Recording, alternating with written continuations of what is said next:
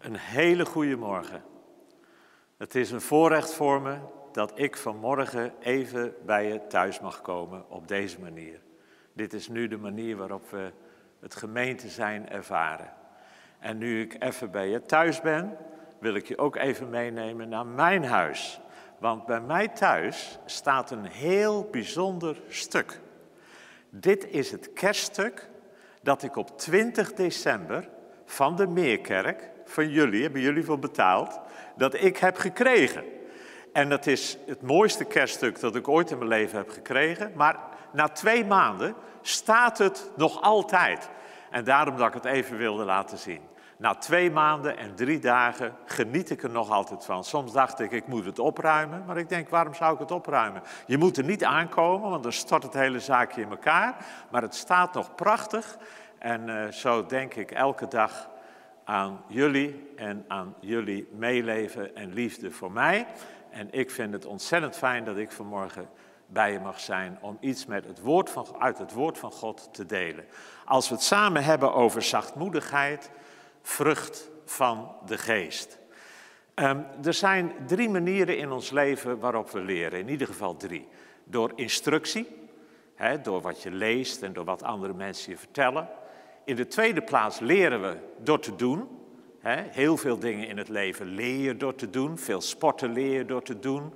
We hebben leren lopen door te doen. We hebben leren praten door te doen. Maar er is nog een derde manier en dat is dat we leren door een voorbeeld. We leren door wat we zien bij anderen. En als we het hebben over zachtmoedigheid, dan denk ik dat is nou zo'n onderwerp wat we vooral kunnen leren in ons leven door ook wat we zien bij anderen. En daarom wil ik vanmorgen je ook meenemen naar een paar prachtige voorbeelden. Uh, voordat we ook gaan nadenken over, als je dat nou moet definiëren, hoe zou je dat zeggen? Als we het hebben over zachtmoedigheid en je denkt aan mensen om je heen, in wie zie je dan zachtmoedigheid? Wie is voor jou een voorbeeld van een zachtmoedig mens? Mijn vrouw en ik hebben heel vaak in ons leven gezegd: wat zijn wij bevoorrecht dat wij zoveel prachtige mensen in ons leven hebben mogen ontmoeten. Een van die mensen was de Indiër Bakt Singh, die ik in 1976 ontmoette. Bakt Singh was een heel bijzonder mens.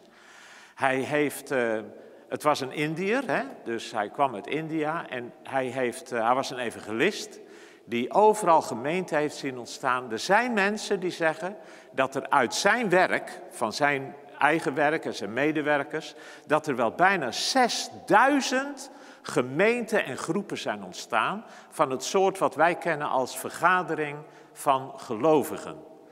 Nou, deze Bakt Singh was uh, ja, een heel bijzonder man. Het was een monument in het koninkrijk van God. Um, toen hij, uh, hij is dacht ik, 97 jaar geworden. De man had een geheugen als een olifant. Ik heb hem horen spreken dat hij in één preek 96 teksten uit de Bijbel citeert met waar je het kunt vinden en wat er staat uit zijn hoofd. Maar Indiase collega's vertelden mij, die hebben hem horen spreken dat hij bijna 300 citaten uit de Bijbel dat hij uh, gedeelte uit de Bijbel citeerde, uit zijn hoofd. Als je Bakt Singh had horen spreken, dan wist je één ding, en dat is wat de Bijbel over dat onderwerp te zeggen heeft. Um, heel triest dat hij de laatste tien jaar van zijn leven dement werd en dat hij op het laatst zelfs de namen van zijn naaste medewerkers niet meer wist. En toen hij op 97-jarige leeftijd overleed, toen dachten ze, ja, wat voor aandacht zal er nog zijn voor zijn begrafenis? Hij is nu al meer dan tien jaar weg uit het publieke leven. Nou, u kunt zich voorstellen de verbazing. Toen hij stierf, waren er 200.000 mensen in de rouwstoet. De, het centrum van de stad waar de begrafenis plaatsvond, lag plat, omdat broeder Bakt Singh ten grave werd gedragen. Deze man was een monument in het Koninkrijk van God. In 1976 was hij in Nederland. Wij zaten met een groepje medewerkers van UN in Wassenaar. En ik had gehoord van iemand dat Bakt Singh in Nederland was. Dus ik had de teamleider gezegd van, joh, Bakt Singh is in Nederland en die teamleider is zelf in India door broeder Bhakt Singh getrouwd met zijn vrouw. Het is heel interessant, als hij mensen trouwde, dan liet hij ze plechtig beloven dat er geen dag voorbij zou gaan dat het echtpaar als man en vrouw samen de Bijbel zou lezen en samen zou bidden. Nou, deze teamleider was getrouwd in India door broeder Bhakt Singh. En die zei natuurlijk, Joop, het zou fijn zijn als hij de gelegenheid heeft. Toen heb ik hem opgehaald van de Hoge Paasberg in Ede en ik heb hem in de auto gehaald heen en terug. En die ontmoeting zal ik nooit vergeten. Ehm, toen ik daar kwam, toen dronken we eerst nog een kopje thee, maar broeder Bhakt Singh die, die bidt en dankt voor alles. Dus op zijn knieën dankte hij voor de thee en voor de, het contact. En bad hij ook voor een veilige reis en voor Gods zegen op ons contact met elkaar. Toen zaten we in de auto en het was zo'n lieve, aardige, geïnteresseerde man. Die heel geïnteresseerd was in mij. En die vroeg naar waar ik mee bezig was en hoe het ging. En toen vertelde hij mij over zijn verhalen van belevenissen met God. En ik weet nog dat hij vertelde hij, dat wat heel belangrijk voor hem was, is het luisteren naar Gods stem. En op de een of andere manier deed hij dat voor alle kleine dingen. Dus op een dag moest hij naar de kapper. Hij wilde naar de kapper, maar God zei: uh, nee, uh, niet vandaag. En uh, een paar dagen later, toen was het oké. Toen kon hij naar de kapper gaan. Maar toen had hij geen geld. Dus hij ging naar de kapper toe. Hij ging zitten in de stoel, maar had geen geld om de afloop de kapper te betalen. Terwijl de kapper hem knipt, raakt hij in gesprek met de kapper. Nadat hij geknipt is, gaan ze apart in een kamertje en daar leidt Bakt Singh, de kapper, tot geloof in de Heer Jezus. Ja, en zo is deze man zo'n bijzonder mens. Maar wat mij trof, is terwijl het zo'n grootheid in het koninkrijk was, zo'n lieve, nederige man. Nou, dat, dat is zachtmoedigheid. Gelaten 5, vers 22, daar staat, ik lees het, maar de vrucht van de geest is liefde, vreugde en vrede, geduld, vriendelijkheid en goedheid of trouw, heeft Wichelen vorige week uh, over gesproken. Uh, goedheid, geloof of trouw, zachtmoedigheid en zelfbeheersing. Vandaag willen we dus bij de achtste facet van de vrucht van de geest stilstaan, zachtmoedigheid. En ik moet zeggen, dat ik het prachtig vind dat in de Meerkerk dat we dit zo met elkaar kunnen doen. Hier gaat het in de vrucht van de geest meer om wie je bent dan om wat je doet. Het is heel interessant dat als je de Korinthebrief leest, in hoofdstuk 11, daar gaat het over de gaven van de geest. Allerlei gaven die passeren de revue. Maar dan zegt Paulus, ik wijs je een weg die nog verder omhoog voert. En dan gaat hij praten over de vrucht. Het is alsof het wie je bent nog iets belangrijker is dan wat je doet. En als je daarover nadenkt, dan kan je er ook iets bij voorstellen. Want je kunt allerlei geweldige gaven hebben. Maar als je de vrucht niet hebt, dan stinkt het. Wat heb je aan een arrogante predikant? Wat heb je aan een liefdeloze evangelist? En zo kun je wel doorgaan. Dus de vrucht van de geest, wie we zijn, dat is zo belangrijk in Gods ogen. Zachtmoedig, daar zitten de twee woorden in, zacht en moedig. En eigenlijk vind ik dat, uh, voor zover ik het woord in de originele tekst begrijp, vind ik dat eigenlijk een prachtig woord. Die twee facetten zitten in, uh, in dat woord. Het Griekse woord is praotes. Sommigen zeggen het is het meest moeilijk vertaalbare woord in het hele Nieuwe Testament. Maar het staat bijvoorbeeld voor beleefd, voor mild, nederig, teder en zacht. Het wordt ook gebruikt bij het temmen van een dier, een wild dier, dat onder controle wordt gebracht van zijn, van zijn baas. Um, zacht en moedig. Um,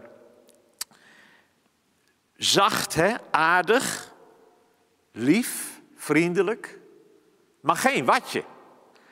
Een zachtmoedig mens kan ook iemand zijn die heel moedig, heel daadkrachtig is, die een sterk karakter heeft, die weet wat hij wil.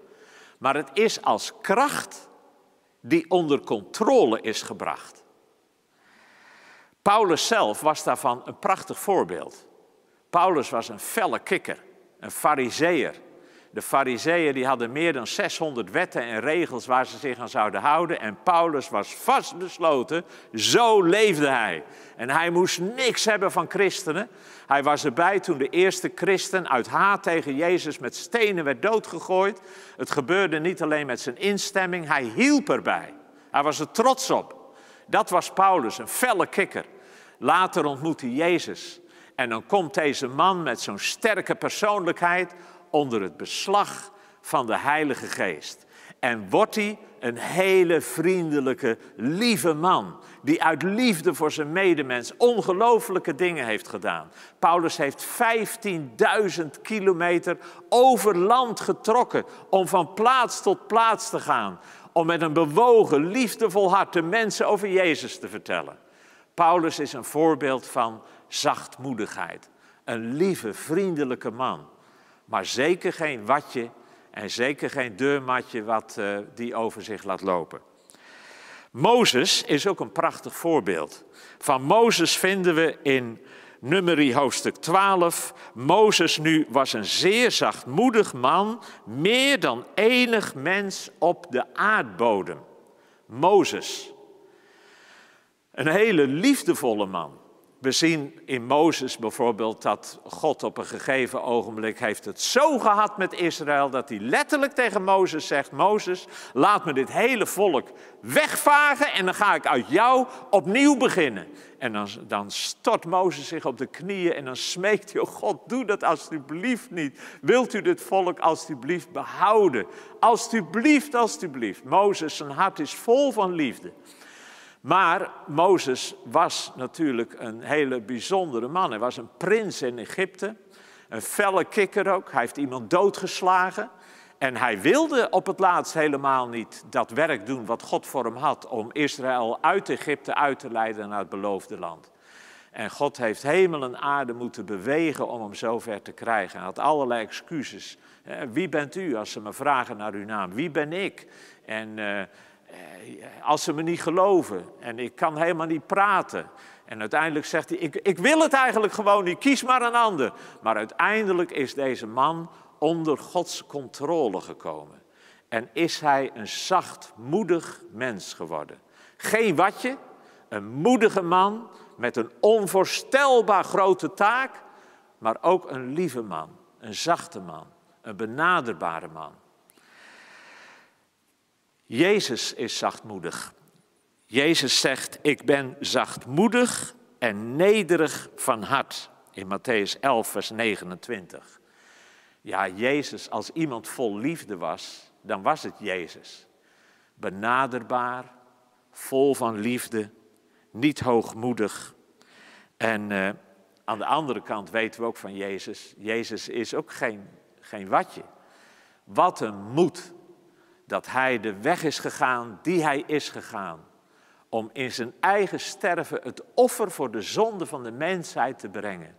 In zijn lijden, in zijn sterven, was hij overgegeven aan de wil van de Vader. En dat zegt hij ook. Mijn eten, dat is het doen van de wil van de Vader. Een zachtmoedig mens, vol liefde, maar tegelijkertijd een sterke persoon die moedig de weg gaat die hij gaan moet. Zachtmoedigheid is in de bergrede nummer drie van de zaligsprekingen. De eerste is, zalig zijn de armen van geest, want voor hun is het koninkrijk. De tweede is, zalig de treurende, want zij zullen vertroost worden. En de derde is, zalig zijn de zachtmoedigen, want zij zullen de aarde beërven. Dat is interessant dat het niet de hooghartige bedweters, de arrogante mensen zijn die uiteindelijk de aarde zullen beërven. Nee, die hebben hun winst op de korte termijn. Maar de zachtmoedigen, die hebben de winst op de lange termijn. Die trekken uiteindelijk aan het langste touwtje. Zachtmoedigheid Ik denk dat we daarvan kunnen zeggen dat is waarschijnlijk de minst populaire kant van de negen kanten die genoemd worden van de vrucht van de geest. Zachtmoedigheid was zeker niet te vinden op de lijst van deugden in het Griekse Rijk, in de Griekse cultuur. Het was dan ook heel iets nieuws dat christenen zo leefden en dat ze dat leerden, dat dat de goede weg was om zo te leven. Zachtmoedigheid was niet populair. En ik denk dat we zo eerlijk kunnen zijn om te zeggen, dat is vandaag nog altijd niet de most, meest populaire kant van de vrucht van de geest. Um, naar de maatstaf van onze samenleving, dan moeten we voor onszelf opkomen. En leren we om assertief te zijn. Als ik vandaag een workshop zou houden en je zou kunnen kiezen tussen assertief zijn of zachtmoedig zijn, dan eh, weet ik wel waar de mensen naartoe zouden gaan. De maatschappij ziet zachtmoedigheid zelfs vaak als een zwakte. In de hele filosofie van de evolutietheorie, die ons denken en onze cultuur zo doordrenkt, is het juist het recht van de sterkste. De sterkste overleeft. De zwakken moeten, moeten afsterven. En zo gaan we steeds beter worden, steeds krachtiger, steeds sterker worden. Zachtmoedigheid gaat daar dwars tegenin. De Heilige Geest in de gelaten brief is een interessant onderwerp om daar eens even naar te kijken. We hebben gelezen Galaten 5, vers 22. De vrucht van de geest is zachtmoedigheid.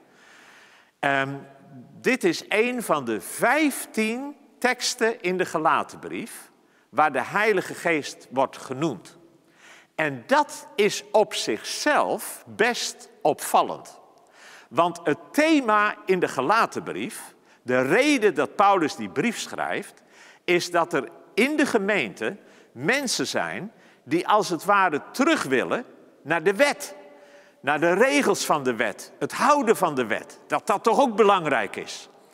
En Paulus maakt het duidelijk in de brief dat teruggaan naar de wet, dat is geen vooruitgang, dat is achteruitgang. En dan zie je het onvermogen van de wet. Wat de wet kan, is die kan een regel geven voor de buitenkant. Maar waar Jezus voor staat, dat is niet voor een regel van de buitenkant, maar dat is voor verandering van binnenuit. De vrucht van de geest. Het is wat de geest automatisch wil bewerken in jou en mij. Dat is wat er gaat gebeuren als de Heilige Geest woont in mijn hart. Maar dat is een verandering van binnen naar buiten en niet van buiten naar binnen. Het onvermogen van de wet, dat ligt in onze natuur.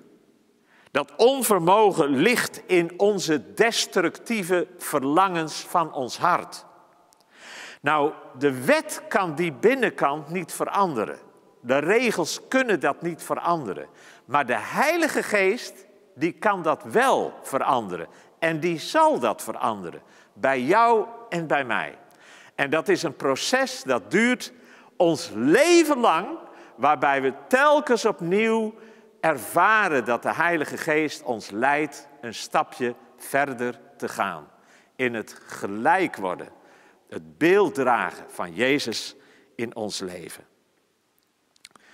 En uh, daarin is het evangelie in onze samenleving ontzettend relevant.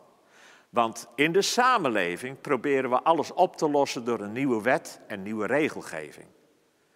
En dat is natuurlijk in de samenleving het instrument wat ons ten dienste staat. Maar wetten en regels kunnen nooit dat probleem van ons hart oplossen. En daarom is het evangelie, ook voor Nederland in 2021, zo verschrikkelijk relevant. En oh, ik zou wensen dat er meer plek zou komen voor alfa-cursussen in gevangenissen ik zou wensen dat er meer ruimte zou komen voor het evangelie in de hulpverlening.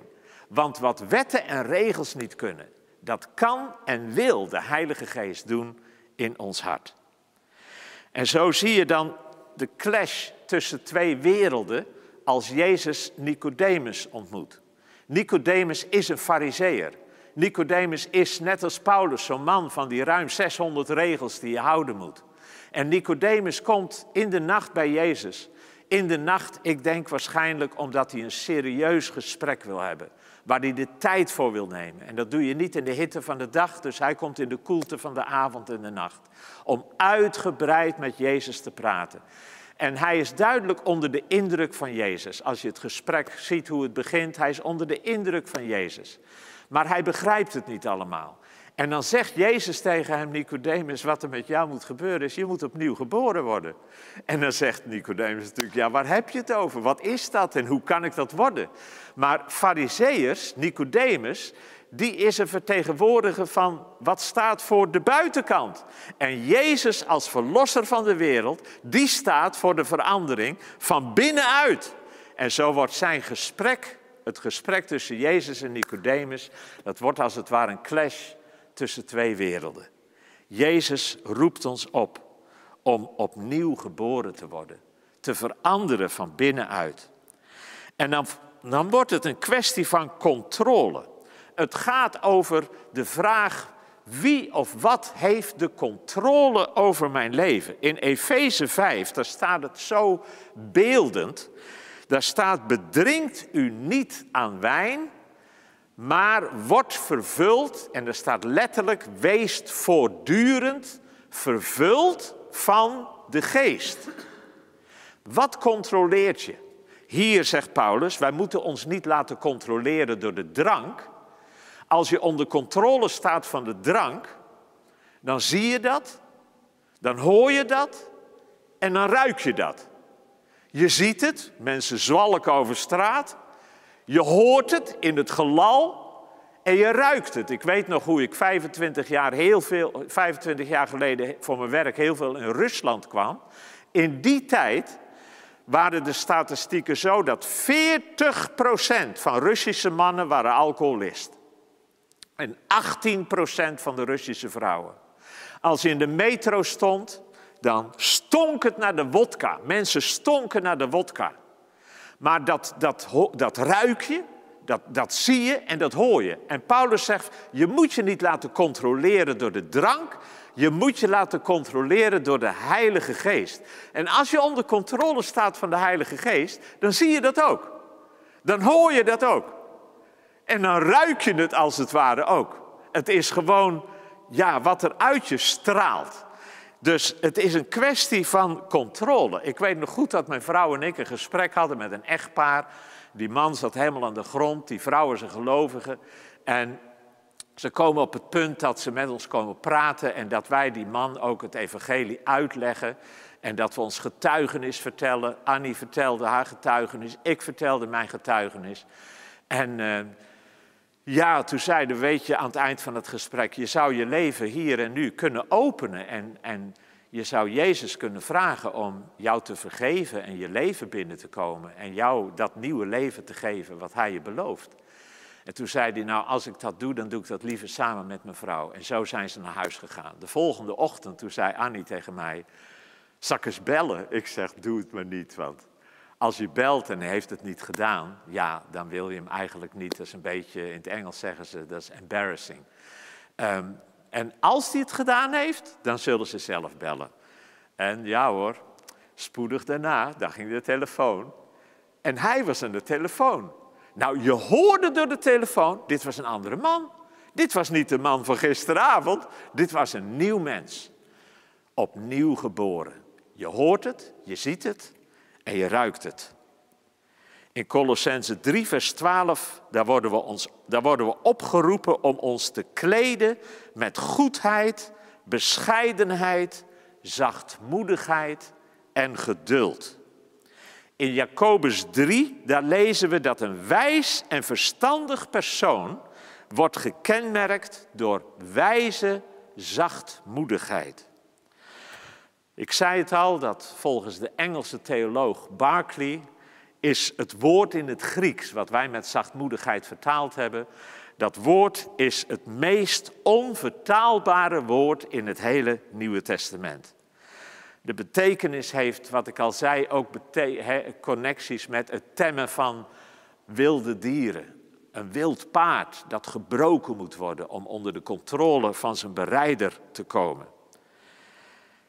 Hij wil dat we zacht worden, dat we leren luisteren naar de stem van God, dat we Hem gaan gehoorzamen en dat we dan de weg met Hem gaan, vastbesloten, moedig, maar ook vol liefde. Dat is zachtmoedigheid. Zalig de zachtmoedigen, want zij zullen de aarde beërven. Bakt was voor zijn bekering in 1929, en dat is heel interessant. Sommige van de ouderen hebben misschien nog wel eens gehoord van Sadhu Sundar Singh. Dat was uh, in zijn tijd ook wereldwijd een hele beroemde Indiase evangelist. Die was een sadhu, maar die heeft Jezus gezien, die heeft hem ontmoet. En die is een volgeling van Jezus geworden. En die werkte veel in Tibet. En op 19, in 1929 is hij op een reis naar Tibet gegaan, maar hij is verdwenen. Er is nooit meer iets van hem vernomen. In het jaar dat Sadhu Sundar Singh verdween, kwam Bhakt Singh tot bekering. De ene verdwijnde van het toneel, verdween van het toneel en de ander verscheen op het toneel. Voordat hij uh, werd bekeerd en, en geloofde, was Bhakt Singh een trotse Sikh. De Sikhs in India, dat zijn de Indiërs met een tulband. Een van hun kenmerken is dat zij nooit haar van hun lichaam scheren. Dus hun hoofdhaar zit in een knotje onder een tulband op hun hoofd. Als je wel eens het uh, Indiase hockeyteam gezien hebt of het Pakistaanse, dan zie je daar ook vaak veel Sikhs in. Die dan de tulband hebben afgedaan, maar dan hebben ze een knotje haar op hun hoofd. Bhakt Singh was een trotse Sikh. En uh, hij haatte christenen. Hij wilde daar niets mee te maken hebben. Hij heeft een keer een mooie in leer gebonden Bijbel gekregen van iemand. En toen heeft hij de Bijbel eruit gescheurd en in de vuilnisbak gegooid, maar de mooie leren kaft heeft hij bewaard.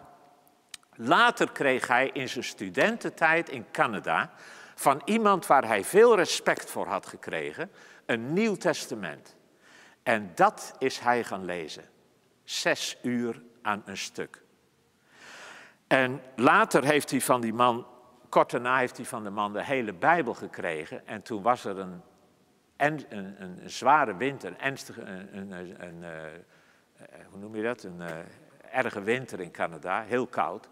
En hij komt huis niet uit, drie dagen een stuk. En toen heeft hij drie dagen lang in de Bijbel gelezen. En toen heeft Bakt Singh zijn knieën gebogen en heeft hij Jezus omarmd in zijn leven. Uh, binnen twee maanden daarna had hij de hele Bijbel een keertje doorgelezen en het Nieuwe Testament een aantal keren doorgelezen. Dus als je later Bakt Singh hoorde spreken met al die referenties aan de Bijbel, dan zie je dat dat al heel vroeg is begonnen. De liefde, het ontzag, uh, de, de, de eerbied voor de Bijbel als het woord van God. Bakt Singh is moedig de weg met Jezus gegaan. Als een trots wild, wild paard dat door zijn berijder onder controle was gebracht. Hij haatte Jezus in zijn ontwetendheid. Hij was een man als Paulus, maar een vurig, sterk karakter werd overgegeven aan de wil van God. Overgegeven aan Jezus. Iemand met een ongelooflijke staat van dienst. Zalig de zachtmoedigen want zij zullen de aarde beërven. Het gaat niet om wat je doet of zegt, maar om wie je bent en wie ik ben. De vraag is, wil jij en wil ik, willen wij ons laten gezeggen door het woord van de Bijbel, het woord van het evangelie? Wil jij volgen in de voetsporen van Paulus, van Mozes, van Bakt Singh, en van Jezus zelf. Wil jij bidden, Heer, maak mij een beeld van u. Meer zacht, meer moedig, meer onder de controle van uw geest. Zalig de zachtmoedigen, want alleen zij zullen de aarde beërven. Laten we samen bidden en in de stilte van je eigen hart, thuis, zittend op de bank, wil ik je vragen om dit in je hart echt serieus met me mee te bidden. Heer Jezus, ik leg mijn leven in uw handen. Ik stel mijzelf onder de controle van uw geest. En vanuit die houding bid ik u. De woorden die we zo dadelijk gaan zingen of gaan horen zingen. Hier aan uw voeten, Heer. Kwetsbaar en klein. Leert u mij nederig als u te zijn. Maak mij zachtmoedig als u, Heer, en nederig van hart. Alsjeblieft, Heer, ik wil zo graag u weerspiegelen. Ik wil zo graag de vrucht van de geest zien groeien in mijn leven. Ik leg mijn leven deze morgen, op dit moment, met het verlangen van heel mijn hart, opnieuw of voor het eerst, ik leg mijn leven in uw handen. Amen. Fijn dat je hebt geluisterd. Voor meer informatie ga naar www.meerkerk.nl.